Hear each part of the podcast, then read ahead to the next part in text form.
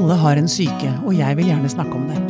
Det gjør jeg her, sammen med huspsykolog Simen og en gjest. Dette er Pia på syke. Er det det? det er det vi om. Frykt, frykt. Nå går båndet, jeg bare nevner det også. Så denne, dette tror jeg jeg skal ta med. Frykt er spennende. Du, um, Simen, du er ikke så innmari glad i å tute ditt eget horn, som man sier. Eh, nei, det kommer litt an på settingen, da. Ja. Ba, Men ikke som, eh, som fagperson og her og sånn, kanskje. Tatt fint å sitte litt tilbakelent. Ja, Ja. men nå skal vi tute ditt horn. ja. Fordi nå skal vi nok en gang uh, snakke om at du er norgesmester i fridykking. Ja. Du fikk jo spist den der forrige uka òg. Ja. Ja, jeg gjorde det. Ja. Eller uka før. ja. Det er Um, er tilfelle, det. Det er ikke så innmari stort konkurransemiljø, det skal sies. Er, eh, nei, nei, men du har vært nede på 53 meter. Det har jeg. Ja. Mm. Uh, men jeg har egentlig lyst til å spørre deg om hvorfor du ikke er så glad i å tute i ditt eget horn. Eller hvorfor du er litt sånn redd for å Jeg vet ikke, er du redd for å fremstå skrytete, liksom? Eller er det, hva er det som Hvilken Hvilken følelse er det som ligger bak? Uff da. Skulle vi dit i dag? uh, det, det er mange ting som ligger bak det. Tror jeg det har noe med roller å gjøre òg, da. At her er jeg jo som Ja. eh, fagperson og ikke som privatperson. privatperson. Og så er det jo en, eh, en dyd å ikke skulle være så eh, skrytete og eh, Jantelov, snakker vi er inne på Ja, det er nok noe med det. Og så prøver jeg å ikke være så mye av det, da. Ja. Så er det kanskje noen ganger man Det er en god skyter litt fra det. hofta og er litt stor, svær i kjeften andre settinger. Så Ja. blir jeg kanskje litt sånn eh, overkompenserende når du blir litt raus med beskrivelsene her. Oh, ja. Kanskje? Jeg okay. vet ikke. Du spør og du får svar. Ja, ja. Eh, vi har fått besøk av Alexander Nordahl, fotograf. Velkommen hit. Tusen takk. Dere to gjør en del gøye ting sammen. Eh, og vi skal snakke mer om det, men jeg har lyst til å bare komme litt inn på Alexander først også. For du har fartstid som fotograf. Hvor lenge har du jobbet som fotograf? Jeg har vært fotojournalist og videojournalist i snart i over 30 år. 30 år, ikke sant. Det er en del, det. Og du har vært i krigen. Du har vært krigsfotograf, og du har, altså, du har, du har opplevd ganske mye. Jeg liker jo ikke det ordet, jeg. Nei, Det nei, for, nei, det er interessant. Jeg pleier å si at jeg er en fotojournalist som har reist litt mer utenfor Ring 3 enn andre, kanskje. Ja. Men du har opplevd ganske heftige situasjoner i ditt eh, yrkesliv. Jo, men er du en som lever av å skulle fortelle hvordan verden er, så har jo du opplevd det. Og du trenger jo ikke å dra til eh, krigen for å skulle fortelle heftige, om heftige ting. Det foregår rundt det. Men eh, ja, jeg har jo vært en del steder. Mm. Har du fryktet for livet ditt noen gang? Jeg må spørre det, jeg beklager, det er kanskje litt løpt, tabloid, men du, du har løpt, ja. Det er godt sagt. Jeg har gjemt meg. Ja. Nettopp. Ja, du- Utafor Ring 3. Utenfor Ring 3. Ja, utenfor Ring 3. Og da fikk jeg faktisk, tele, fikk jeg faktisk det var den gangen jeg faktisk, Da fikk jeg faktisk en e-post via satellittelefon fra kona som for en sånn reportasje som var litt for uh, Som ikke var så jævlig god heller. Bildene var ikke gode, men teksten var veldig god. Ja. Uh, og da fikk jeg beskjed om at hvis du gjør det en gang til, kan du bare glemme å komme hjem igjen. Ok, det er Mm. såpass, Jeg er ja. gift med den, altså. ja. Og du kom hjem igjen. Men hva, hva var det, kan du si litt mer om hva Nei, det var? det var jo Og det å støte f.eks. på en, eh, en Taliban-snikskytter som har lyst til å, å skyte deg. mm. Og uansett hvor du løper og kryper eller går, så skyter han. Mm. Det, det er en situasjon som gjør at du faktisk må bruke alt det du har innvendig og lært for å komme ut av. Mm. Det gikk jo bra, da. Men uh, Men du har du gjør ikke den tabben tabben igjen. Hm? Jeg gjorde en tabbe, og den tabben gjør du ikke igjen. Nei. Men du har, for du har kjent på frykt. Det er vel dit jeg egentlig vil med dette. Ja, jeg har kjent masse på frykt. Mm. Og det er jo veldig bra at man gjør, av og Mm. til, tenker jeg da. Ja, det er jeg helt enig i. Em, eh, og så har du selvfølgelig da altså press, pressefotograf. Eh, nå jobber du i DN. Nå Du jobber er jeg det. fotosjef? Nei. Eller det var du før, kanskje? Ja, det er lenge siden, er lenge- heldigvis. Å ja, okay. Nå smiler jeg hver dag, ser du ikke det? Ja, for det var sjefsstillingen du kanskje ikke tålte så godt. Ja, det syns jeg ikke er så, var så gøy. Det var gøy å gjøre en jobb, og gøy å bygge opp nå. Og så syns jeg det er desto gøyere å få lov å være ute og møte folk og prøve å fortelle historier som ikke er fortalt før. Ja. Men dette med mm, Jeg har fått en, en fugl som har hvisket meg i øret at eh, stress Altså stresset kom når du fikk personalansvar og sånn. At det var da du begynte med dykking og at, Eller pusteteknikker og sånn, som vi, det er dit vi nærmer oss beveger oss nå. Både ja og nei. Jeg har jo, jeg har jo um, dykket i alle halvår. Og jeg har uh, dykket med flasker. Da puster man hele tida når man er et nytt sted. Mm. Eh, og så har jeg selvfølgelig fridykket i ungdommen og, og gjør det på ferie osv. Og, så videre. Det vil, si, eh, det vil si holde pusten, da. holde pusten, ja. Mm. Ja. Og så eh, har jeg jo da gjort mye rart i livet, annet å være fotosjef. Eh, og det er jo gøy så lenge man kan være proaktiv og gjøre noe, men så kommer jo liksom administrasjon, personalansvar, begrensninger. Mm. Og så ser vi at dette kanskje ikke er like gøy alltid. Jobben er gjort og ting Så går man i loop, da. Og så blir man, eh, blir man stressa, da. Og da er det veldig gøy og, og fint å ha havet og Ja. vannet og sjøen. Jeg, jeg kjenner at jeg puster eh, dypere og roligere bare du sier ordet havet. Og det er jo en litt eh, det, er, en viktig nyansering av det stressbegrepet òg, da, som man kaster, kaster rundt seg, som egentlig er ganske komplekst. Ja. Men det å være i en eh, ekstrem situasjon og være fotograf, da, og til og med skulle være eh, kreativ i de drøye situasjonene rundt om i verden, vil jo mange tenke på som stressende. Og Mm. per definisjon så er det stressende. Nervesystemet er i full gang, og du er til stede. Og, Mm.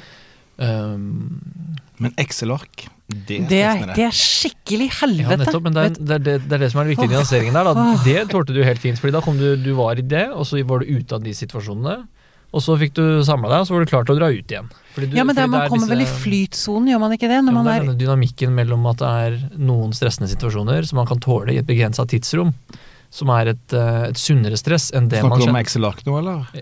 Nei, nå snakker vi Nei, men det er der. når det smeller rundt beina dine med eh, andre ting, da, Mm. enn eh, en lakksko. og, eh, men det å komme hjem og ha et stress som er eh, mer uklart uh, definert, som er der eh, hele tida, som ruller og går, som man aldri kan helt skru av. Man er alltid Mm. pålogga, man har mail på, uh, på telefonen. Ting du ikke kan helt skru av.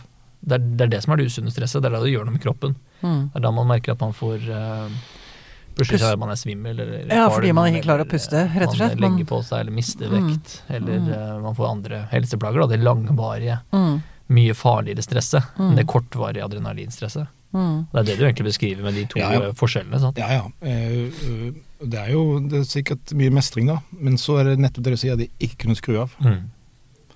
Alltid ha eh, en utgiftspost å signere. Mm. Alltid noen som skal ha lønn. Alltid et spørsmål. Eh, og så skal du liksom forsvare stillingen din og tittelen din og lønna di, og så skal du da kunne Og det betyr at du da ikke skal ha et liv. Det Ja, men. Pluss at man står i skvis. Ja, Du ja. står i skvis Ja, av lederen over deg og de ansatte under deg. Eh, Og det også er jo et fucking nightmare. Unnskyld. eh, Men det ville jeg aldri vært det foruten. Nei, det er en fin erfaring å ha med seg i sekken. Og jeg kan godt bli sjef igjen, men jeg tror jeg vet det jeg skal gjøre, ikke gjøre. Ja. Er, jeg kan anbefale å være sin egen sjef, sånn som jeg er.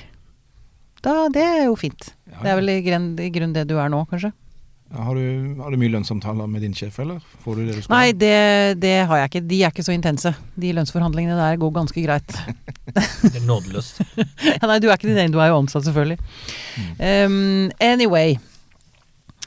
Um, eh, dere har uh, Eller det er vel kanskje Alexander som er drivkraften bak de konti, altså disse uh, Freediving Norway, under Lutvann. Det er du som administrerer de kontoene der, ikke sant? Men du fotograferer skimen. Ok, nå, nå, nå foregriper jeg begivenhetene her. Dere dykker, og du fotograferer. Vi fridykker primært Fridykker. sammen, først og fremst. Ja. For man må alltid være to når man fridykker og dykker. Ja. Og så eh, har jeg med et kamera, Mm. og så tar jeg bilder. Og så har det egentlig blitt til det der eh, prosjektet som jeg heter På ett pust. da. Det er et sånt evigvarende prosjekt som aldri tar slutt. Det å holde pusten, fridykke og skape under vann. Som egentlig er veldig likt det jeg har gjort over vann hele livet, har jeg funnet ut. Ja. For det gjelder jo å på en måte Sitter du på en fotballkamp og skal fange den skåringen, du må være utrolig fokusert. Du må puste, du må søke, du må liksom Og du må liksom mestre forholdene og mestre teknikken og optikken, og du må være utrolig skarp. Eller om du skal passe på deg selv og være kreativ, som Simen sa i sted, og være et sted hvor det er farlig. Mm. Eller å være et sted hvor du er begrensa av at du ikke kan holde pusten så lenge. Eller være under så lenge. I, under hav, hvis vi Altså, jeg tror dessverre for Simen og meg så kan vi ikke puste under vann. Vi skulle gjerne gjort det. Men Mm. eh, jeg tror noe av prosessen er jo at man faktisk ikke kan puste under vann. Ja, og det for være så fokusert. Så det er basically det vi gjør, da, er at, eh, eller jeg gjør, er at jeg først og fremst er jeg en fridykker. Mm. Og så har jeg begynt å se ting under vann, eh, føler jeg, på en annen måte enn å f.eks. skulle være en scubadykker, altså en som puster med medbrakt luft. Mhm. Du ser annerledes Ja, fordi du for den må holde pusten. ja, Hvorfor det? det? må- Det må du fortelle litt mer Ja, hva det er som skjer. For meg så stopper jo, går verden litt saktere, da. Og så sanser du mye mer. Mm. Og det å puste rolig og fylle kroppen med oksygen eller frisk luft og få ut eksosen, da, som ikke sant, CO2-en av kroppen og det da, For meg så går jo verden saktere, og så ser jeg ting på en annen måte, Mm. og så vil jeg ta bilde av det. Så paradokset er jo at jeg begynte Jeg tok jo aldri bilder når jeg dykket med flasker. Når jeg hadde tid. Nei. Jeg begynte jo å ta bilder når jeg fridykket. Og så er det selvfølgelig mange fine ting, da, fordi at du ikke bringer noe mekanisk eller noe, eller noe kunstig ned under vann, hvor lyden bærer fort og langt, Mm. hvor du skaper masse støy. Så blir du på en måte en del av det som er under overflaten. Og hvis fiskene forsvinner i løpet av fem sekunder, så er de tilbake i løpet av ti sekunder. For du er ikke noe trussel mer. Du er ikke noe kunstig som er der. Du Nei, er et pattedyr Mm. som kommer på besøk. Mm. Eh, og så er du ingen trussel. Og da får du plutselig være del av en verden. Og det å kunne gjøre det, og dykke ned og være der et halvt minutt, ett minutt, de 60-90 sekundene, de varer faktisk mye lenger. Ja. Altså, det føles Det er. Nei, det er veldig vakkert å høre på deg. Det er det vi har, har snakka mye om, da, det, det tidsperspektivet som, eh, som endres og som strekkes så innmari ut når vi begrenser eh, tiden ved å ikke, ikke puste. Og i det, I det foredraget vi holder om det, så er det jo den videoen du eh, viser. Ja, vi må, vi må si det. òg, for det er jo derfor dere to er her sammen nå, egentlig. At dere dykker og fotograferer og sånn. Men dere har et foredrag hvor dere snakker om dette. Ja, det er sant. Ja, jeg må bare si det sånn. Og, og der er det annet en sånn uh, video som illustrerer den opplevelsen uh, som Alexander mm, beskriver, da. Hvor, uh, hvordan det går i slow motion. Kan- Kanskje bare skal fortelle Ja, altså, foredraget er jo Vi trekker parallell om mellom, eh, mellom det å kjøre inn i Aleppo andre juledag 2016, Mm. eh, og det er en by hvor folk kommer ut av bygningene sine, bare titter seg om og lurer på når neste granat kommer, og så er det stille, og da kommer menneskene til stede. Og så merker jeg at jeg er litt stressa, så jeg, for å få oversikt så har jeg alltid pustet fridykkerpusting. Den teknikken vi bruker for å fylle kroppen med oksygen, måtte på en verden. Mm. Og det gjorde at, eh, og det gjorde at, eh, det gjorde at eh, jeg begynte å se litt sakte film, som igjen gjorde at i den reportasjen vi lagde, så begynte jeg å filme det vi kjørte forbi i ruinen i sakte film, sånn at folk, og folk klarte å oppfatte hva man egentlig ser på bildet. Mm. Og det får jeg når det skjer når jeg fridykker. Og i det foredraget så tar vi også med på folk ned, og de får bli med og dykke sammen med oss. Mm. Så vi ber de holde pusten og puste rolig, gjøre et par sånne enkle øvelser. Og så ber vi de bli med ned på et dykk, og alle driver og forbereder seg til at nå skal jeg prøve å holde ut, for jeg klarer ikke å holde ut. Og så opplever de masse. Og så holder de pusten så lenge, og så har de bare holdt pusten 40 sekunder. Mm. Men de har opplevd utrolig mye. Og det er interessant å se på når vi ser på de, eh, når vi ser på de der. Og da kommer jo eh, psykologen inn og eksperten inn og forklarer hva som egentlig skjer. Ja, da skal vi setter over til Simen. Det, det bruker vi jo en halvannen time å snakke om. Det, er så, det er så mange ting. Men jeg syns det illustreres veldig effektivt, dette med, med tidsperspektivet. Da, og det skal jeg innrømme at det har jeg ikke noen eh, vitenskapelig forklaring på, men den er veldig selvopplevd, og den er vi alle skjønt enige om, da, som driver, som driver med det. Og um, Tid er relativt, det er vel tid er veldig relativt, så når Mm. du begrenser den, så strekkes den veldig, veldig utover. mm. Og du rekker å eh, oppleve veldig mye, både i eh, hva du observerer i den ytre verden, men også hvordan du, eh, hvordan du har det inni deg. Det er rett og slett veldig bra for selv, selvbevisstheten og det å være i kontakt med seg sjøl. Mhm. Um, og det er jo Vi var inne på det med stress i starten, da, hvordan det har, har blitt en slags motgift, det å ha dette å drive med, uh, for vår del. Og uh, Ja, Motgift mot stress. ja, det Mm. å ha en hobby, noe man er lidenskapelig opptatt av, noe som man kommer Mm. ut og bruker tid på, som er eh, sosialt, noe man mestrer. Så det mm, er jo et generelt råd til alle, å ha noe sånt å drive med, spesielt i dag. Det er en grunn til at folk, eh, nesten alle har begynt å isbade i koronatiden for å gjøre noe litt annet. Ja. Men så mener vi at det er noe liksom ekstra spesielt da, Mm. med vår hobby. ja, men det høres ut som det er. jeg får veldig lyst til å prøve, kjenner jeg. Ja, det tror jeg du og alle andre har hatt godt av. Men du skjønner, det som er Nå er det mulig at jeg går ut på dypt vann for meg selv. Mye ordspill i dag. Nei, vet. Men det som er så rart, er at dette har jeg prøvd å forklare for folk, for jeg er jo bipolar, og når jeg er i den høye fasen, så tror folk at alt går veldig fort. Og det kan det i og for seg gjøre hvis jeg blir stressa og får angst. Men egentlig så er det akkurat som om alt går veldig mye saktere. Det er som om jeg klarer å fryse tiden innimellom. At jeg, at jeg klarer å skru ned farta inni meg. Mm. Det, er, det, er, det er en veldig rar Det, det, det, det, resonnerer veldig med meg, det dere sier. Og, og sanseinntrykk oppleves vel også som spesielt uh, intenst, gjør det ikke det? Vanskelig? Ja, sanseinntrykk Nei, ikke nødvendigvis. Jo, sanseinntrykk. Mm. Uh, det blir Jeg føler meg filterløs. Mm. Jeg tar inn veldig mye mer Nettopp, informasjon, og hvis jeg klarer å da sakte ned farten, så det, kan jeg innimellom nesten oppleve at tiden står stille. Ja. Det, Altså, det sånn- opplever jeg som en ganske klar Det var det jeg eh, parallell. hørte dere sa, Mhm. nemlig. Eller det var det jeg følte dere sa. At det er akkurat som jeg klarer å liksom bare og Det er et eller annet uttrykk jeg er ute etter her som jeg ikke finner nå, men ja, stoppe tiden. Eh, det er veldig fascinerende Mm. Å høre på dere. Jeg, tenk, jeg tenkte jo på det på vei hit nå, at jeg, nå har jeg sinnssykt masse som foregår. Mm. Det å jobbe i media i dag er du er liksom Du spriker i alle kanter. Mm. Og så tenkte jeg nei, og så har jeg avlyst eh, dykkingen i helga med Mm. noen kompiser og døtrene mine. Mm. Og så tenkte jeg jeg må bare bli ferdig, tenker jeg. Så siste jeg nei, faen, jeg må, jeg må kanskje skal de, ta, jeg må kanskje ta meg et lite dykk på søndag. Eller så, eller så, eller så Jeg kan Så- ikke gå en hel helg uten å gjøre det. Mm. Så mest sannsynlig så kommer jeg til å nok en gang ikke komme i mål, fordi at jeg har tatt med et dykk. Men det er jo helt greit, for da fungerer uka etterpå også. Sant. Mm. Sant. Så nå stopper vi tiden. Ja. Jeg bare merket at jeg Det ble veldig eh, Ja, temati- veldig deilig. tematikken preger jo, preger jo stemningen i samtalen, Ja, det. ja, det er naturlig. Men eh, nå på. vet ikke jeg hva neste spørsmålet mitt er. Nei da. Da Jo da, jeg gjør det. fram, da. Ja, ikke sant. Nei, ehm, Men det en av de eh, det er noe med, med Ja, si noe du, hvis du hadde noe du skulle si. Sagt, ja, vi, altså, vi var jo det med Vi begynte på en måte å ramse litt opp disse øh, fordelene med hvor, som var spesifikt i fridykking, som ikke bare er Mm. generelt for vår hobby. Og vi snakket om Ja, hvor var vi da? Dette med mm, selvinnsikt og være i kontakt med seg sjøl, og da er det jo det er veldig forskjellige måter å drive fridykking eh, på, da. Mm. Det har vært ganske forskjellig for meg og og Alex også. Og eh, for mange andre så er jo ikke det en eh, ekstremsport. Det er en ganske hyggelig eh, rekreasjonell aktivitet Mm.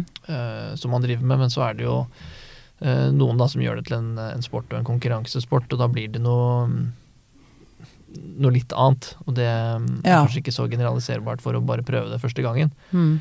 Mm, men jeg opplever jo at det har preget meg i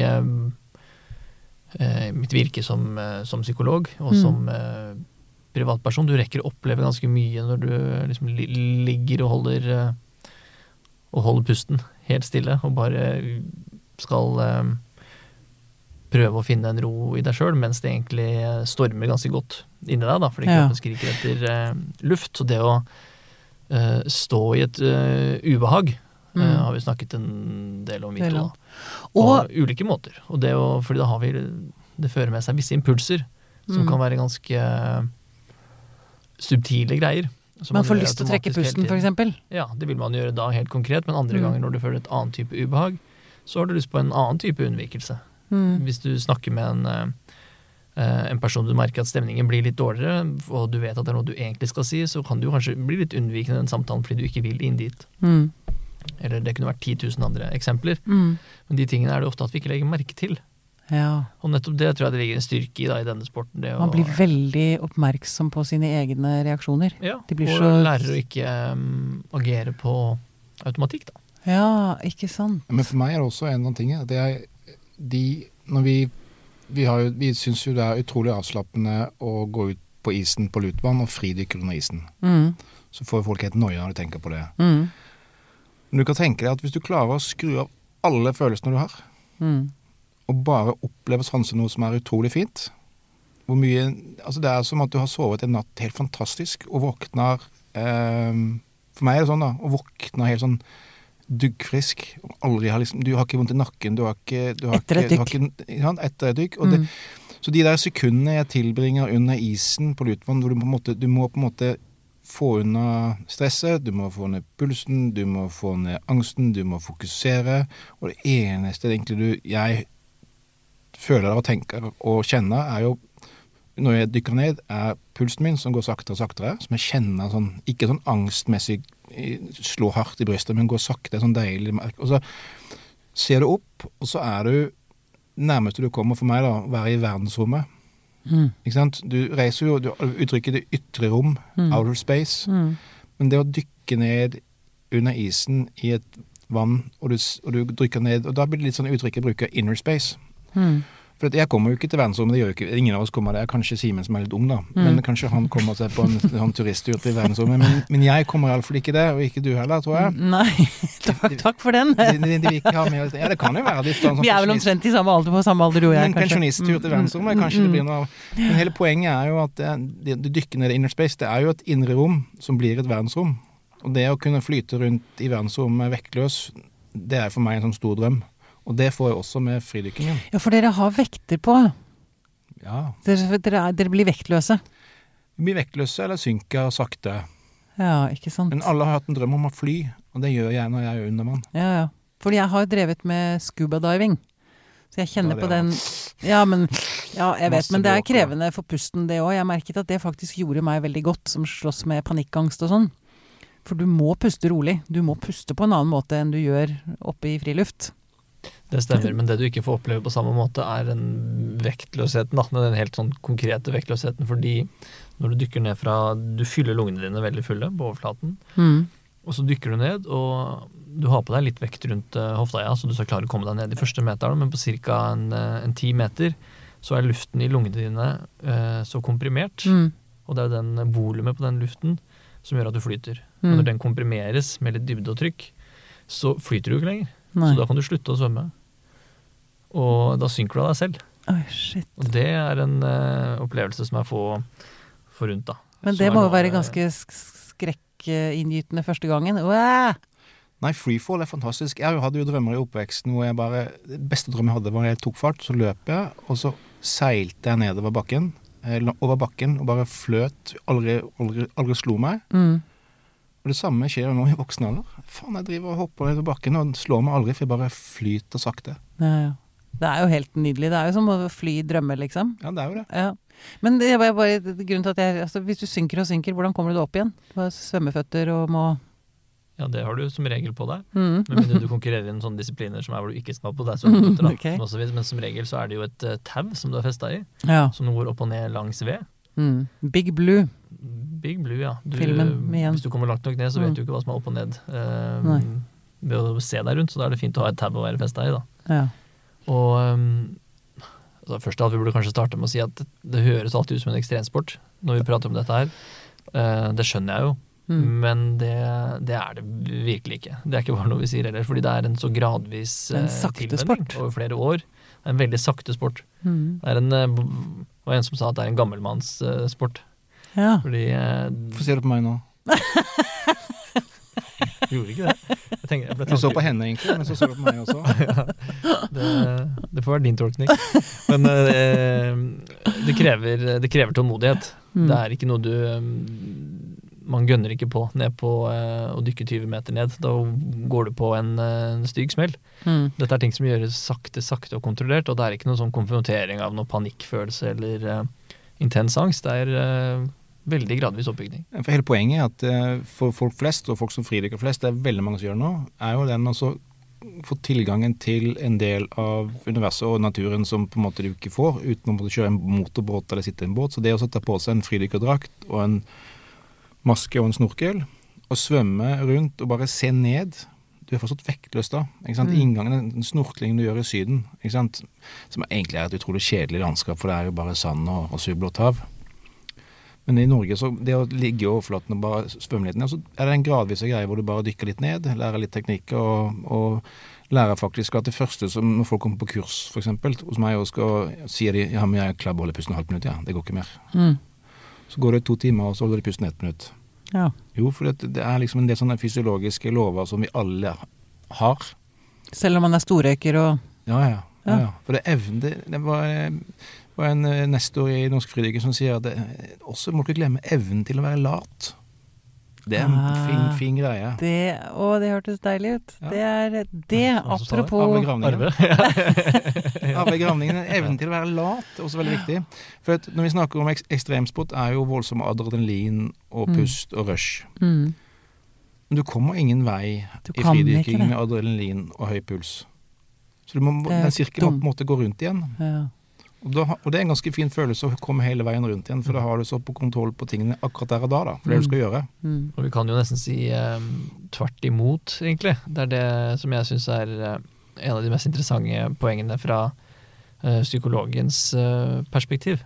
Er at vi har jo alle kompliserte eh, greier i oss. Eh, Mm. angster og eh, komplekser og stress og frykter og dit og datt. Mm. Som vi ofte har et ganske distansert forhold til. Vi har mye som er fortrengt, og det er jo sunt og bra, det. Og så er det ting som preger oss, som er i kroppen, men som vi ikke anerkjenner gjennom hverdagen. Mm. Det trenger ikke å være så mye alvorlig, det, men bare en sånn, en sånn dag som Alex beskrev i dag, Mm. eksempel. Det er mye greier. Det setter Ja. seg i kroppen. Og det legger vi Mm. ikke alltid så godt merke til, og det er kanskje fint nok, det. Men skal du dykke ned, eh, i hvert fall hvis du skal dykke ganske dypt, da, så er du avhengig av noen grunnleggende fysiologiske ting. Du er avhengig av å ha et avslappet, en avslappet mage Mellomgulv. Mm. og et mellomgulv, Mm. eh, som er nødt til å tillate eh, lungene å eh, komprimere seg og trekke seg oppover. Hvis du er anspent, eh, så klarer du ikke det. Nei. Da kan ikke lungene håndtere det trykket det blir utsatt for. Mm. Med muskelspenninger i, eh, i halsen og i svelget, så kan du ikke utligne trominene, f.eks. Det vil si at det derre vage ubehaget som vi 90% av tiden ikke har så eh, har et ganske abstrakt forhold til, det blir gjort i noe helt uh, konkret. Mm. Det treffer deg som en knyttneve i magen, bokstavelig talt, hvis du prøver å gjøre noe du ikke er helt klar for. Mm. Eh, selv om du kanskje kan være i form til å dykke ned til 50 meter, så kan du møte den knyttneven på fem-ti meter. Oh, ja. Eh, fordi du ikke Fordi du er i fornektelse, da.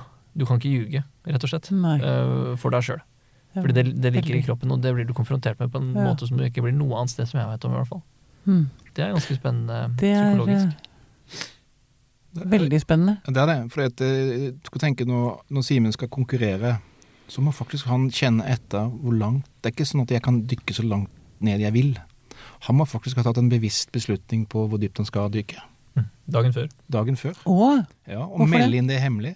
Ikke sant? Så da, da, da må Åh, du ha en ja. sånn der evaluering av deg selv. Du må faktisk være så i fokus da, at du vite at dette kan jeg gjøre. Og jeg, jeg melder nå 55 meter, og så satser jeg på at ingen melder mer enn det. Men der går grensen min. Er det sånn det funker? Og tauet går ikke lenger. Der er det stopp. Ok. Da treffer du en, eh, en bunnplate. Og så, da må du snu. Men hvorfor det? Hvorfor er det sånn? Av sikkerhets... Uh, Ja, men At du må melde det inn hemmelig, at du ikke får uh, Det er sikkerhetsgreier? Det, det er så ikke jeg skal uh, kunne tenke Å ja, ehm, Magnus meldte 56 eh, meter. Så da Mm. må jo jeg Hvis jeg har lyst til å vinne, så da melder jeg 57. toppe den. Da blir det veldig farlig veldig fort. Ja, akkurat. Ja. Akkurat. Nettopp. Eh, Det er selvfølgelig. Det er jo helt logisk, det. Så da må Mm. du ta et oppgjør på kammerset. Ikke sant? Sånn som det mennesker må, men du må gjøre det også en konkurranse. At Mm. dette er det jeg skal få til. Det eneste jobben jeg har, er å få til det, og jeg vet at jeg kan det. Og jeg har Mm. vært der før. Mm. Og det er jo egentlig en ganske fin greie. Du, Mm. du, liksom du, alle kan jo holde på til de stuper. Det Mm. viser jo alle som, eh, som eh, møter veggen på jobb. Mm. Ikke sant? Men hva, men hva så? Da går det gærent, da. Mm. Ikke sant? Hvis du holder på til du går i veggen. Jeg tenkte på det du sa om mellomgulv og avslappet eh, magemuskulatur. Em, apropos panikkangst, em, så eh, Jeg har jo opplevd Altså, hvis jeg blir stressa Hvis jeg klarer å begynne å gjespe, Mm. Da slipper stresset. Fordi det er, det er ikke mulig å gjespe med et anspent mellomgulv. Mhm. Det er en sånn Det, det minner meg om det. Altså, Ja. det. Det handler vel om det samme. Det gjør det, og det er jo det mm, Pusten har blitt omtalt som eh, eh, Åndedrettet blitt omtalt som eh, på en måte grensen mellom det automatiske og ubevisste og det bevisste. Fordi vi kan jo ikke styre nervesystemet vårt. Vi kan ikke styre hvor engstelige vi er eh, i et øyeblikk, eller skru av eller på den type følelser. Mm. Um, og den type følelser bringer jo med seg en del eh, fysiske reaksjoner. Det er puls, det er eh, anspenthet, og du har lyst til å puste fortere Mm. for å være i gang til å kunne enten slåss eller, eller rømme. Mm. Om det starter, det mm, får ikke du gjort noe med eller ikke. Men det du får gjort noe med, som du har bevisst eh, kontroll over, er jo muskulaturen din eh, rundt eh, lungene. Du kan styre om du vil puste dypt eller eh, grunt. Ja. Som oftest, i hvert fall. Hvis ikke ting har tatt helt av, da. Mm. Men nesten alltid så kan du jo det. Mm. Derfor kan man si at det fungerer som en slags brems da, til nervesystemet. En slags beskjed om at uh, Ok, nå tar jeg et dypt uh, åndedrag, ergo uh, dette her er ikke så farlig allikevel. Nå jeg prøver, Jeg å, prøver å roe meg. Mm. Skru på Mm. det. Mm. Den andre delen av nervesystemet som er i gang når man eh, har ro og fordøyer mat og Mm. henter seg inn igjen. Mm. Så Derfor er det jo ganske logisk å få at det er sunt for oss å ha et bevisst forhold til pusten. Det var så Ja. enkelt at min farmor sa til meg, røyka 40 om dagen når jeg ble stressa, pust med magen, gutt. Han, han har brukt fem minutter på å forklare nå, men min farmor sa det på én setning. Pust med magen. Ja, men det, og det, ikke sant? det er jo det vi Nå puster med magen. Det er Ja, ja. eh, Det er Men, men det er faktisk også Altså, når man er stressa, så er det altså så ubegripelig vanskelig. Og det er nesten litt provoserende å få høre det, har jeg opplevd også. Bare pust med magen, Pia. Ja ja, jeg prøver, men det går ikke. Jeg får ikke pusten ned. Det. Klart. Og noen ganger um, så er det jo provoserende å høre sånne ting. Eller tenk positivt, eller pust med Ja. magen. Ja. det er et signal fra kroppen om at omstendighetene ikke er som de skal. mm, Det går an sant? å ha objektivt sett altfor mye å gjøre, eller man er i en situasjon man ikke skal befinne seg i, eller som man bør være stressa i. Det Mm. er mest, mest provoserende å høre ja, men du må stresse ned. Bare slapp av litt. Slapp av litt! Det er provoserende, det. Ja, og, og det er jo også en spennende ting fra fridykking, fordi det har jo vært noe man har sagt i alle år på alle kurs. Ja, du må lære deg å slappe av. Og rundt omkring i hele verden på ulike sånne camps man har vært på, sånn relaxation. Det er det det Mm. handler om. Og hva betyr det, da? Det er sykt provoserende å si til den som ikke har prøvd dette før. Ja. Nei, du må lære deg å slappe av. Slappe av, ja. Avslapning.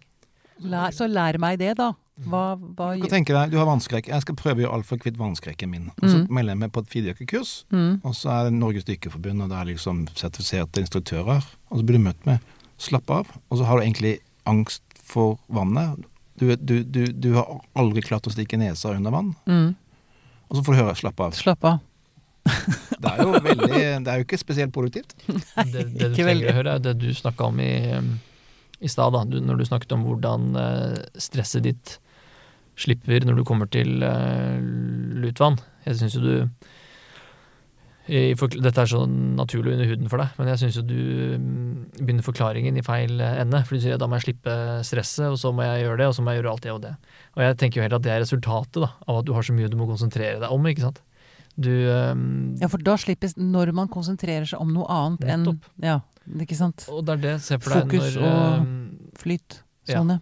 Mm. Hvis du har sett den kamerariggen som Alexander dykker med, f.eks., så har han ganske mye mer enn bare seg sjøl å dykke og tau. Å ja, det har jeg ikke sett noe bilde av. Det må du legge ut på sånn kontoen din. Uh, alien uh, En uh, alien-rekvisitt, egentlig. Men, men poenget mitt er at du kan ikke si til noen uh, slapp av, men det du kan si er ja, men husk nå det vi har eh, snakket om, du skal konsentrere deg om at eh, ja, nå ligger du her ja, og konsentrerer deg om å kjenne på det tauet, og så husker du hvordan vi har øvd på den vendingen eh, du skal Mm. ta før du svømmer ned, og så har vi øvd på hvordan du skal eh, bøye deg, Mm. så har vi øvd på hvordan du skal dra i tauet for å komme deg ned de første tre meterne. Så har vi øvd på det at du skal konsentrere deg om å eh, lukke munnen og klype på nesa og blåse ut på den, den måten for å utligne ørene. Mm. Da har du ikke tid lenger, Til å være stressa. nettopp. Og det er jo en eh, Det er jo det Det er jo mitt. Nettopp. Og da har du, men da har du snudd det, den instruksjonen på hodet. Istedenfor å si 'slapp av', så, så lærer du noen hva det betyr. da. Og det betyr å flytte oppmerksomheten over på noe annet. Noe annet. Mm. Frykten kan jo være der. Det- Oppmerksomhetstrening. Mm. Ja, men så tenker jeg bare det å, det å eh, For meg å bare gå inn til lydvann. Ja. Ikke sant? Og så bare Mm. det å gå inn, Mm. og så bærer du tungt. Mm. Og så får du ikke hjelp av Simen. Mm. For han er for seint ute. Og så, og så, og så, så, Ja, ok. så da. Men så har du de prosessene du skal gjøre da, Mm. for å komme dit. Og når du konser på det, og ikke faller på isen med et kamera til 150 000, Mm. og har jeg husket å ta ut vakuumet, har jeg liksom altså alt det du skal huske på, Mm. da har du rydda bort. Mm. Begynt å rydde bort. Ja, men dette her kjenner jo jeg igjen fra holdt på å si, å rydde hjemme. Mm. Altså Hvis jeg sitter og grubler, hvis det er noe som gnager, ikke sant, så kan jeg fort bli sittende og gruble på det. For jeg tror at man, jeg finner løsningen. Jeg gjør ikke det, vet du. Men med en gang jeg begynner å pusle, og det ene setter på litt musikk, begynner å vaske litt, pusle, rydde, og så plutselig så har det gått en halvtime, og så å ja, Du må fylle shit! på med noe. Ja men, ja, men det er igjen oppmerksomheten Ja. som blir tatt vekk fra den klumpen i magen som gnager og stresser meg. Nettopp. Og så plutselig så er det sånn Å ja, men det er bare Ja, der er jo løsningen! Mm. Og det vi tenker som eh, er feil, er at man skal, vi, vi trenger å ta bort noe for å skjønne mindre stress. Vi må Mm. ta bort det vi grubler på, Mm. ta bort det problemet som egentlig ikke lar seg løse innenfor dette tidsrommet. Mm. Men eh, det handler om å vende det over til å tilføre noe, noe annet å, å hvile oppmerksomheten på. Ja, En konkret uh, gjerning. Og vi er jo heldig hellig overbevist om at det er uh, å holde pusten under vann, men det kan like gjerne være å, å rydde på en tilstedeværende, tilstedeværende måte. Altså, ja. virkelig. Mm. Eller å spille golf, eller frisbeegolf, eller eh, Tror du kan få samme forløsning hvis du driver med improvisasjonsteater? Ja. Ja. Ja, ja, ja, ja, jeg tror du kan få den samme stressminkende og energigivende effekten. Eh, Men så er det noen eh, ekstra twister da, med fridykking som jeg tror er enda sunnere. Dette handler egentlig om å gå forbi det som har blitt kalt veldig mye opp igjennom. Eh, rotta er et ord som jeg har vært glad i. Den lille rotta som sitter i, i hodet og eh, forteller deg alt som er feil, alt som er altså, Som sitter og gnager eh, på sjela di. Det er noe med å komme forbi den. Altså at du, du glemmer deg selv. Man blir Jeg sa det for mange år siden, en venn av meg som ikke forsto hva jeg mente. Da jeg satt og klippet da jeg jobbet i NRK, satt og klippet lyd i studio, så var jeg, jeg var plutselig ingen. Fordi jeg var så opptatt av det jeg holdt på med. At fire timer forsvant, ikke sant.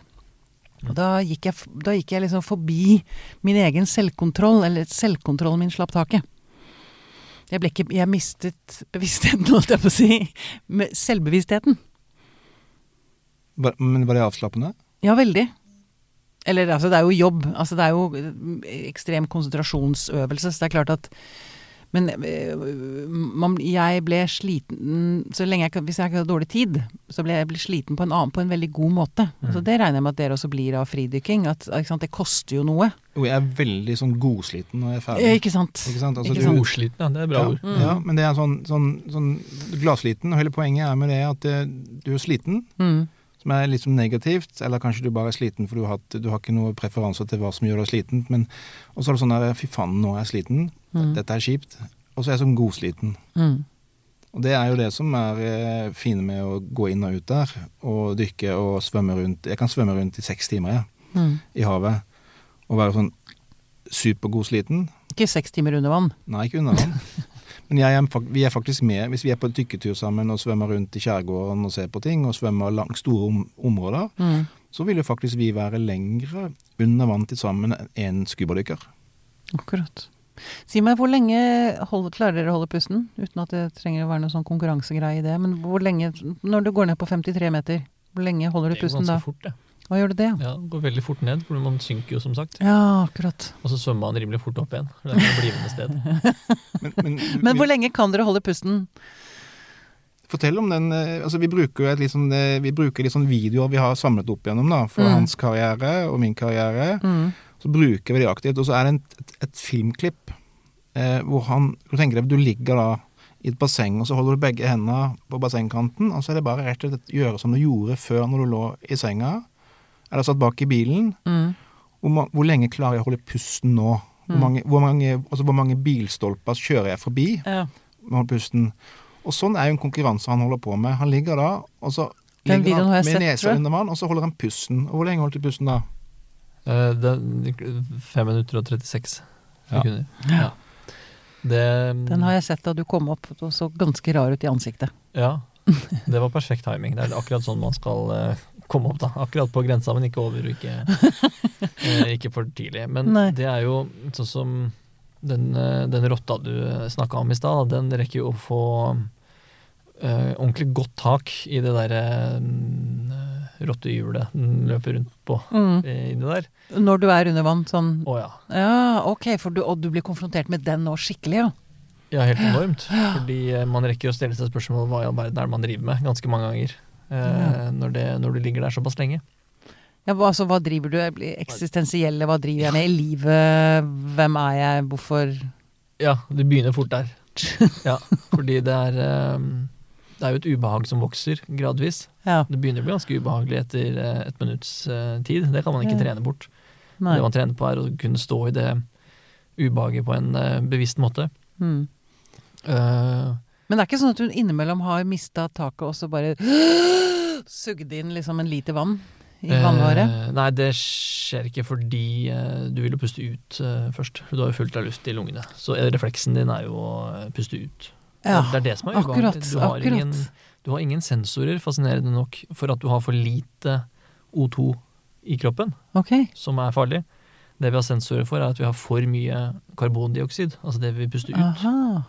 Med en gang eh, det begynner å, å doble seg, Ja. det gjør det ganske fort. Når vi forbrenner energi i cellene, så får vi en sånn rykningsgreie i mellomgulvet som vi Mm. ikke klarer å, å stå imot til slutt. Men O2 kan du faktisk ikke kjenne. Du, når vi sitter med en psykolog, kan jeg få lov til å stille spørsmål? eller skal jeg Absolutt. bare Nå, her snur vi? Nå er det, nå er det egentlig Simen som er gjesten. Ja. Simen, men, men det jeg ikke tenker på, ikke sant? det er jo det å dykke dypt rett ned.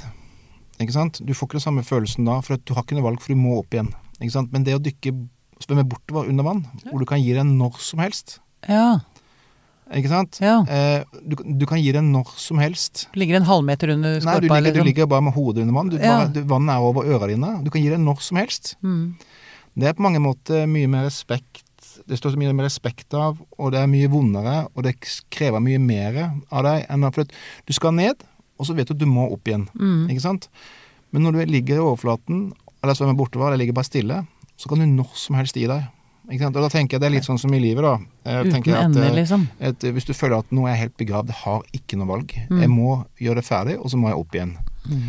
Men så har du de som, eh, som sier at som gir seg hele tida. Eh, Som bare tenker at ja, nå kan jeg gi meg hele tida. Men det å stå i en sånn greie som du kan gi deg på hele tida, Mm. det tror jeg er med på å bygge deg, er ikke det? Eller er, Mm. er ikke det faktisk vanskeligere å faktisk ha, å, å Jo, takle det- den muligheten til å bare hoppe av akkurat når du vil?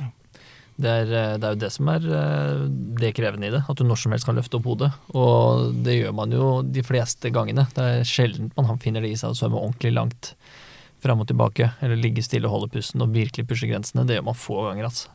I de eh, årene jeg har holdt på, så kan jeg sikkert telle på fingrene hvor mange ganger jeg har hatt sånne ordentlige maksforsøk. Fordi det er så krevende psykologisk. da, Fordi du kan når som helst gi deg. Mm. Så det er jo en utrolig god trening i å legge merke til impulsen om unnvikelse, selv om du har tatt en bevisst beslutning om å, om å gjøre noe. Så merker du at du eh, får hele tiden en impuls om å bare stoppe. Når som Mm. helst, og ta Mm. en eh, lettere vei ut. Og um, Ja, noen ganger i livet er jo det fornuftig, men noen ganger så har man jo faktisk bestemt seg for noe da. men det er jo faktisk en veldig, veldig bra trening på, altså på alle fronter i altså alt man holder på med i livet, liksom. Altså dette med å ikke stikke av med en gang det blir litt ubehagelig. eh, Så Det er det. våge å stå i Mm. ubehag fordi det faktisk eh, skjer noe med deg. Bare den, altså den øvelsen av å stå i noe, behagelig, u, noe ubehagelig Nettopp. Og det er, er, eh, styrketrening. det har vært utrolig viktig som, i virke som psykolog òg, da. Ja, ikke sant. Det er jo Mm. noen vendinger i terapisamtaler som er ubehagelige. Noen Mm. Noen stillheter som er lange. Mm. Det er direkte sammenlignbart. Med de stillhetene så har du lyst til å bryte, selv om du noen ganger vet at det kan være sunt. og La det gå litt tid her. Mm. så er det nettopp det å legge merke til Å ja, der kommer den impulsen. Der til det. Men nei, nå skal jeg flytte oppmerksomheten min og, og fortsette Mm. med det som man har bestemt seg for. Mhm. Det er ganske direkte overfor Veldig eh, kult, ass. fart. Veldig kult. Kult. Nå følte, jeg, følte jeg meg som veldig gammel. Prøver, prøver å være kul. Kul. Kult. Kult. Du avslørte deg nå med den. Disser deg sjøl nå. Kult er faktisk innafor det her nå. Ja, men du må si det riktig. Du må ikke si kult. Hva skal du si da? Kult. Kult. Det er ku, kult, ku Nei, nå klarer jeg ikke å si det lenger. Ja, ok, anyway. Jeg har, Kult, ass. Kult. Nei, jeg synes det er Kult. kult er innafor, men jeg, du må Ja. Bla, bla. Eh, Alexander, jeg vi må snakke litt mer om disse, disse disse kontoene dine. Eh, Freediving Norway under Lutvann. Eh, hva Fortell lytteren. Og ett pust. Ett pust. Fortell lytteren eh, hva de får se når de går inn på de kontoene der. Jeg begynner å lure på om jeg har sånn der ryddesyndrom. At jeg trenger liksom å så, så ha liksom ett- én ting ett sted. Så under Lutvann, det er jo da alle bildene mine fra Lutvann. Ja. Blant annet en del av Simen. Ja, ja. Eh, Nå er det lenge siden jeg har vært med, for han er blitt far, så han eh, hadde trengt seg et par turer i Lutvann, spør du meg. Ja, men det- det Så hvis eh, samboeren hans og, mo og moren til hans barn hører dette nå, så jeg tror han trenger det, altså. Ingen kommentar. Ok, og så har jeg da Min sånn hovedkonto i livet mitt da er liksom at det heter det da Freediving Norway. På Insta alt er på Instagram, da. Og det er rett og slett at jeg er fridykker i Norge. Ja. Jeg kan oppleve Norge. Og der Også- har du vært hvor? Fortell. Nei, jeg er jo overalt, jeg. Everywhere. Ja, Mm. Men det er veldig mye lutvann, og det paradokset er jo at når, ved fjorårets utstilling på sommeren, da, så er det en profesjonell kurator som velger bilder og sånn, ikke sant, og du har jo vært overalt. Det er jo liksom noen bilder fra Middelhavet og hval i havet og sånn. Mm. Og så velger man liksom lutvann, da. Ja. Og det tror jeg er fordi at de bildene betyr egentlig mye mer for meg, eh, fordi at det er en sånn, det er ti minutter hjemmefra. Mm. Så går det inn til et skogsvann i Østmarka. Mm.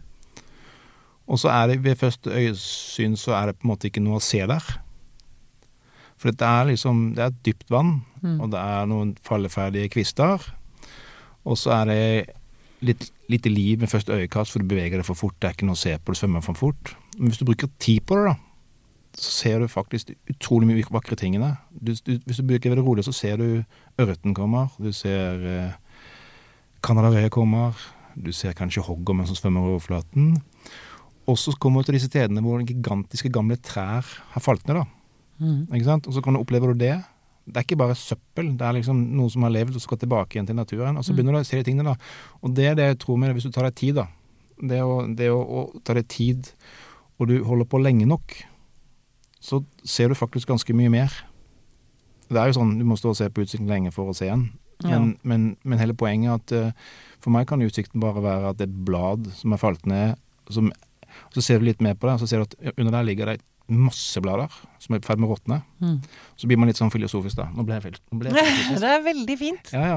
Men hele poenget er at det er en Det er jo det som er uttrykket i de bildene òg, da. Det er jo Mm. det, det, det bladbildet er jo et av de fineste. Ja, ikke sant? Altså, det, det å bruke tid på det, da. Mm. Eh, og det er jo eh, Og det er jo noe med at man trenger ikke å dra så jævlig langt for å få det bra. Det er jo det som det er liksom Jeg kan bare gå til lutvann, jeg. Eller jeg kan egentlig bare stikke hodet under vann, Mm. så har jeg det ganske bra. Mm. Og så har jeg denne store kontoen min der hvor jeg liksom reiser rundt, da. Og det er, eh, og det er, det er liksom bare døtter inn alt. Forteller historier. Og det som er så fint, da, det er at eh, jeg har liksom begynt å se på det som at eh, altså 70% av jordkloden er jo vann eller hav. Mm. Eller 71, da. Mm. Ikke sant? Og så er det ikke så jævlig mange folk som er på besøk der og forteller historier derfra, da. Så det, har jeg, det gjør jeg, da. Og heldigvis så får jeg gjøre litt i jobben også nå. At jeg kan dykke og fortelle litt historier om hva som foregår, og hva jeg gjør med havet. Mm. Og så har jeg et par konta til, Simen viste meg noe i sted fra foredraget, et bilde av en død hund. Mm. Mm. Ja, det, så, når, så, så svømmer du rundt, og så begynner du å møte, så kommer du til situasjoner hvor det samme skjer. Nå skjedde det faktisk i forrige måned. Jeg fant eh, en, en, et hue av en stor vær, en, en, altså en værbukk som lå og fløyt i havet. Mm. Men det basically er Jeg svømmer, hopper ut av båten. eh, Jeg er på Azorene, bor hos en lokal spydfisker som lever av å fiske med spydet sitt. Mm. Eh, og alle ting som flyter i vannet av, av organisk materiale, døde dyr, trær, hva det Mm. måtte være, er jo da et sted hvor andre fisker skjuler seg under. Ja. Ikke sant? Så det, er- for han så hopper han ut, og så ser han at eh, her kan det være større fisk som jager mindre fisk. Mm. Men det var ikke noe her. Men det det viser seg å være, det er jo en, et dyr. En er hund som ligger og flytter der. Og Det er jo i utgangspunktet ganske groteskt å se på. Mm. Men så, hvis du har evnen til å bare se litt mer, da. Se forbi døden. Ja, og så bare se hva som foregår. Så ser jeg at det begynner å Det, det gror jo faktisk blader og planter ut og rundt på hunden, da. Det er virkelig av jord har du kommet, til hav skal du bli, Ja. si. Men ikke nok med det. Mhm. Mellom de små bladene og den tangen og de vekstene som har gror i saltvann, så er det masse små fisk som flyter rundt. Mm. Og da kan man begynne å fantasere om hva som er i verden, hvor stor del av universet er vi egentlig. Og så Mm. blir man selvfølgelig helt koko, da. Men det er akkurat som å se eh, Men så ser du på den, ikke sant. Og så hvis du, hvis du går et hakk ned og ser på hva, hva den eh, lille fisken ser, så kan du begynne å ta fantasere sånn. Det er akkurat Mm. som jeg ser at jeg begynte jo Altså når du blir lei av å ta bilder av det jeg kaller dykkerporno, da. Mm. Det er jo da eh, flinke dykkere og fridykkere, og Simen er jo veldig fin i kroppen, da. Det er derfor han er Det er derfor, det er derfor dere er gode venner. Han er fin å se på. Han, han, han, men altså, han, han ble solgt mye på utstillinger. Nå får jeg, nå får jeg vite mye nytt om Simen. Å, Ja, ja. himmel og hav. var ikke derfor jeg ble invitert. Å gi det litt insight. Det er ikke bare han som skal snakke om deg, du skal snakke om han, er det ikke sånn? da? Skal bare forholde meg til deg som en lekker kropp, Simen. Nei, men, ok, nå var jeg Jo, og så hele poenget, da. Ikke sant? Så begynner du å se, se på uh, ting rundt deg, da. For eksempel så har jeg begynt å fotografere uh, maneter. Mm. Og hvis du virkelig ligger og ser på en manet, og ser hva som foregår i en manet, så er det faktisk et nytt sånn mikrokosmos, da. Mm. Men det har du ikke sett hvis jeg har stressa rundt og trent og at skulle bare svømme fortest mulig og bli fortest mulig ferdig. Men hvis du tar deg tid, da, eh, og tillater deg selv å stoppe opp og se, Mm. så skjer det. Og det er paradokset, at Det har skjedd med meg når jeg holder pusten, når jeg egentlig ikke har så jævlig god tid under vann. Ikke sant. Det er ganske fascinerende. Ikke sant. Dette er jo, for å bruke et ord som jeg er skikkelig lei av, mindfulness. I sin ytterste konsekvens, holdt jeg på å si, eller i sin innerste kjerne. Det dere beskriver. Egentlig. Da. Ja, men det er jo det det, er jo det, det handler Ja, det er jo, om. Med meditasjon. norsk oversettes jo det, så oversettes jo det gjerne til eh, oppmerksomt nærvær. Ja, ikke sant. Og det klart det er det. Mm. Mm. Det er det man prøver å oppnå man- på en annen måte, ved å Ja. sitte stille og, og puste, men det er klart det er akkurat det han beskriver. Ja. Um, en, en annen ting som er eh, relevant altså Det er åpenbart at det vil um, Det er fine stunder når man får muligheten til å eh, ta fri eh, fra jobb og fra et mastersjas og kunne ta på seg en, en dykkerdrakt og forsvinne ut i vannet. Alle syns jo det hadde vært eh, digg. Mm. Men så har jo de fleste unnskyldninger til hvorfor man ikke har tid til det, meg sjøl inkludert. Som eh, Mm. han litt, stakk litt i siden i stad nå, så er det flere måneder siden jeg har vært i Vannet. Jeg har det altfor travelt med mitt. Mm. Han er langt nede i feeden nå. Langt nede i Langt, feeden. ja, ikke sant. Ikke sant. For Ja, en skjebne. Men eh, det er vel der vi eh, Omtrent som, som du i hvert fall konkluderer med, i det, i det som vi har kommet fram til i de mange timene vi har snakket om dette her, eh, hvor viktig det er å ta konsekvensene av den godfølelsen og den eh, profitten du kjenner på etter en sånn aktivitet, og forme livet ditt etter det. Og det har du gjort i gang, så du, har jo, du er jo familiemann og har krevende jobb, men allikevel så klokker du noen hundre timer i, i vannet i løpet av et år. Og der er du jo ganske ram på å gjøre, ta harde beslutninger og, og tvinge fram plass til en, sånn som du snakker om på søndag f.eks. Tvinge fram plass til å ha de vitaliserende opplevelsene, som man kan kalle det på fagspråket, Mm. som jeg tror mange strever med, da, meg Mm. sjøl inkludert. Hvor Mm. mange, mange dem gjør det. Du gjør det jo bare. Jo, men, ja, ja, men det, det er liksom det, det er jo Altså, alle kjenner jo den følelsen at du, du alle får en sånn god idé og en god følelse for å gjøre, enten du drikker et glass vin for mye eller hører på en utrolig fin låt på radioen. Mm. Så blir man litt sånn rusa, da. Mm. Og så med en gang den musikken slås av, eller at uh, du slutter å ta deg et glass vin, så er på en måte rusen over.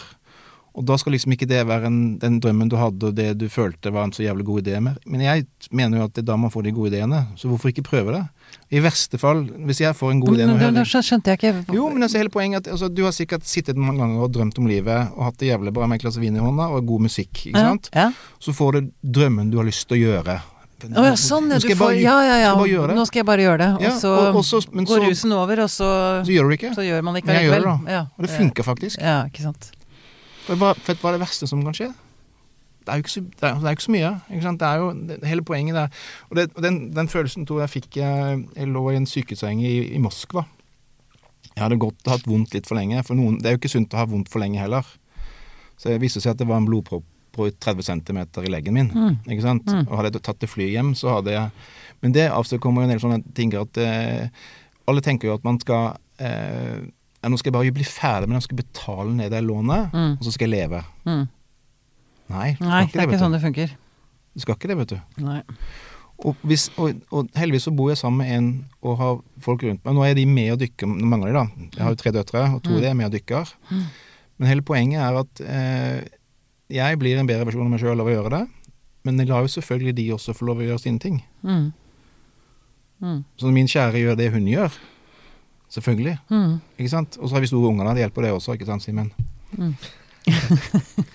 Det er litt tidlig for meg å selge inn det der, tror jeg. Ja. Just do it. Det er en grunn til at det slagordet har uh, Jo, men det er sikkert provoserende enkelt, men samtidig så er det jo ikke det. For du må jo alltid ha med bagasjen før du har gjort det, da. Mm. Før du har liksom lært deg leksa at Ja. eh, kanskje jeg skal gjøre det sånn allikevel. Kanskje faktisk det Men nå er jeg jo så heldig at jeg har en utrolig gøy jobb, utrolig Mm. givende jobb, Mm. og bra liv og, og sånn, ikke sant. Og det er jo Og at impulsene dine er sunne, da. Det er jo ikke, Mm. Og at dine impulser er, eh, er noe sunt. Det er det jo ikke for alle. Nei. Ja, men jeg mener jo at Heroin i øyeeplet er ikke så Nei, nei, men jeg mener jo faktisk det- I det jeg snakket med en kollega, det ble overraska at jeg tok meg et glass vin midt i uka og sånn, så tenker jeg ja, det er faktisk, mye sunnere enn å gjøre noe jeg ikke har lyst til å gjøre. ja, Hvis jeg skal gå rundt og irritere meg over at eh, og, og hate livet mitt for jeg skal spise havregrøt hver dag og Ja, salat fem ganger i uka, så blir det verre, tror jeg. Ja. Ok. ehm, eh, klarer, eh, klarer ikke å rappe opp dette på en uh, klok måte, kjenner jeg. Jeg har ikke flere hjerneceller igjen. Nei, trenger man å samle det så fælt, da? Nei. Pust på magen. Veldig bra. Godt oppsummert. Veldig bra. Alexander Nordahl, tusen takk for at du kom til oss. Det var en, det var en fin slutt på uka. Å ha deg her.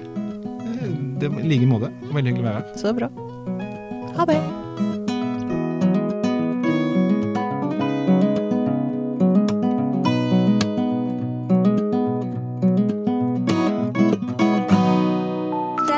Podkasten er produsert av Tid og Lyst. Med støtte fra stiftelsen Kåre Berg.